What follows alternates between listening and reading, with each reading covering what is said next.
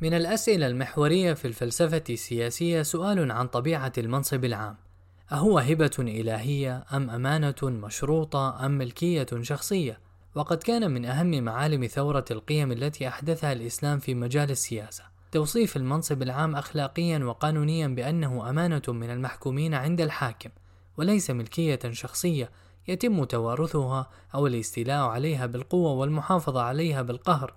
كما أن المنصب العام في الإسلام ليس هبة إلهية إلا ما كان من تولية الله بعض أنبيائه قادة للناس بحيث يستمدون شرعيتهم السياسية من الخالق لا من الخلق. ومع ذلك كانت للإسلام خصوصية في هذا المضمار أيضا كما رأينا في الحديث عن الشورى والمشاورة فيما سبق. وللأمانة في الاصطلاح السياسي الإسلامي معنيان فهي تستعمل توصيفا أخلاقيا وقانونيا للمنصب العام كما تستعمل صفة لمتقلد المنصب وشرطا من شروط الكفاءة القيادية. فالأمانة بالمدلول الأول تعني أن المنصب العام وديعة بيد متقلده لا ملكية شخصية له والأمانة بالمدلول الثاني تعني أن متقلد المنصب يجب أن يكون أمينا في نفسه فهي تشمل الصفات الأخلاقية التي تكبح جماح الحاكم فتكون وازعا له من نفسه يمنعه من أن يستأثر بالمال والسلطان أو يؤثر بهما ذويه أو يسيء استعمالهما أي نوع من الإساءة كان. وقد ورد مفهوم الأمانة بالمعنى الأول في قوله تعالى إن الله يأمركم أن تؤدوا الأمانات إلى أهلها وإذا حكمتم بين الناس أن تحكموا بالعدل. وبنى ابن تيمية كتابه السياسة الشرعية في إصلاح الراعي والرعية على هذه الآية. واعتبر الأمانة والعدل الواردين فيها هما لباب العلاقة السياسية بين الراعي والرعية من المنظور الإسلامي فقال وإذا كانت الآية قد أوجبت أداء الأمانات إلى أهلها والحكم بالعدل فهذان جماع السياسة العادلة والولاية الصالحة. كما وردت أحاديث عديدة في الأمانة بهذا المعنى منها قول النبي صلى الله عليه وسلم: ألا كلكم راع وكلكم مسؤول عن رعيته، فالإمام الذي على الناس راع وهو مسؤول عن رعيته، وفي رواية: فالأمير الذي على الناس راع وهو مسؤول عنهم.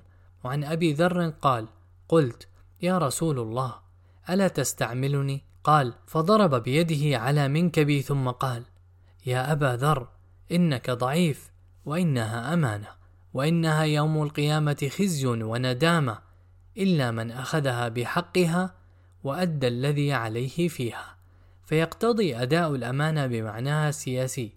بذل الحاكم غاية الجهد في خدمة المحكومين، ومما يترتب بداهة على كون المنصب العام أمانة أن للأمة استرجاع تلك الأمانة من يد الحاكم متى شاءت، فإن هي نظمت طريقة الاسترجاع في دستور ضمنته الشروط والصيغ الإجرائية، لذلك كان من حقها استرجاع الأمانة طبقا لتلك الشروط والصيغ، لأنه جزء من بنود العقد بينها وبين الحاكم، وإلا كان الاسترجاع خاضعا لإرادة الأمة ورغبتها إذ هي صاحبة الأمانة والحق الأصيل ابتداء ولا يسأل صاحب الأمانة عن تعليل لاسترجاع أمانته.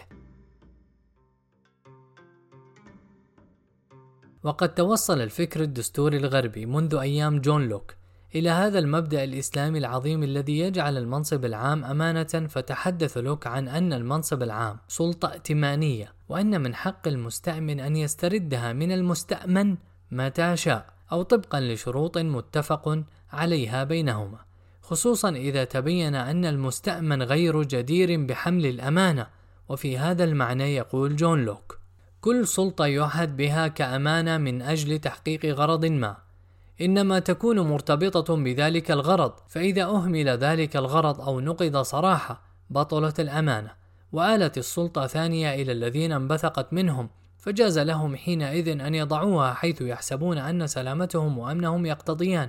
وهكذا تحتفظ الأمة دائما بسلطة مطلقة هي سلطة الإفلات من حبائل أي امرئ كان ومطامعه إذا بلغت به البلاهة أو سوء الطوية حد التلاعب بحريات الشعب وأملاكه. أما بالمعنى الثاني للأمانة. أي باعتبارها شرطا من شروط الأهلية القيادية فقد ورد في القرآن الكريم على لسان يوسف عليه السلام لما طلب من ملك مصر أن يوليه أمر الخزائن فقال: اجعلني على خزائن الأرض إني حفيظ عليم. قال النيسابوري: حفيظ للأمانات وأموال الخزائن عليم بوجوه التصرف فيها على وجه الغبطة والمصلحة. وورد أيضا في قول ملك مصر ليوسف إنك اليوم لدينا مكين أمين.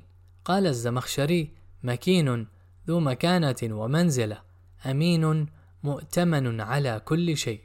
وجاء هذا المعنى للأمانة في قول النبي صلى الله عليه وسلم لما سئل من نولي بعدك فقال إن تؤمروا عمر تجدوه قويا أمينا لا يخاف في الله لومة لائم.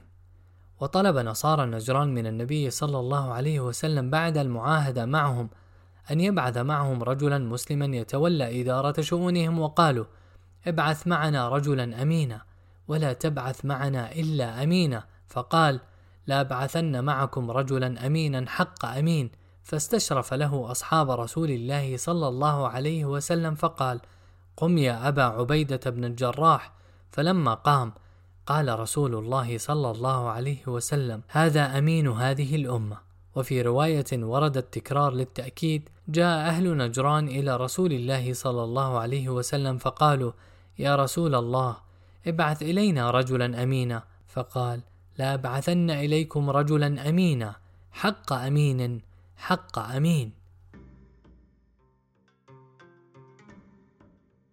ويقتضي أداء الأمانة من الأمة أن لا تسلم المنصب العام إلا لمن هو له أهل ولا تسكت على من يستلمه دون أهلية له ويقتضي من الحكام حسن التصرف فيما تحت أيديهم من مسؤولية عامة والحرص على تولية الأصلح فالأصلح ممن ينيبونهم في القيام بجانب من المسؤولية الذي أنابتهم الأمة فيها وأوكلت إليهم الاطلاع بها. قال ابن تيمية إن الخلق عباد الله.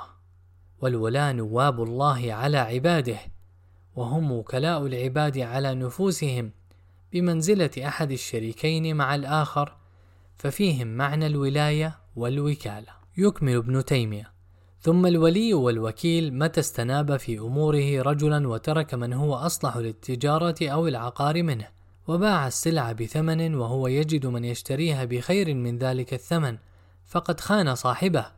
لا سيما إن كان بين من حاباه وبينه مودة أو قرابة فإن صاحبه يبغضه ويذمه ويرى أنه قد خان وداهن قريبه أو صديقه فإذا عرف هذا فليس عليه أن يستعمل إلا أصلح الموجود وقد لا يكون في موجوده من هو أصلح لتلك الولاية فيختار الأمثل فالأمثل في كل منصب بحسبه. وإذا فعل ذلك بعد الاجتهاد التام وأخذه الولاية بحقها فقد أدى الأمانة وقام بالواجب في هذا وصار في هذا الموضع من أئمة العدل المقسطين عند الله ويترتب على كون المنصب العام أمانة أن متولي المنصب العام أجير لدى رعيته فهو مستأمن مقابل أجرة فالعلاقة بين الأمة وحكامها علاقة أجير برب العمل فالأمة مخدومة والحاكم خادم لها والأمة رب العمل والحاكم أجير لها أنابته لأداء وظيفة الحكم لقاء أجر مادي معلوم ومكانة معنوية مشروطة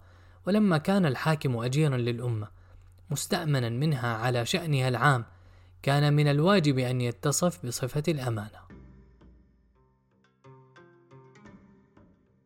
ومن طرائف الآثار الدالة على علاقة الإجارة بين الأمة والحاكم أن التابعي اليماني الزاهد أبا مسلم الخولاني دخل على معاوية بن أبي سفيان فقام بين السماطين فقال السلام عليك أيها الأجير. ثم وعظه وحثه على العدل. وكانت تلك لفتة مهمة من أبي مسلم وتذكير بمعنى إسلامي عظيم في لحظة انكسار القيم السياسية الإسلامية الذي صاحب انتقال الخلافة إلى ملك على يد معاوية.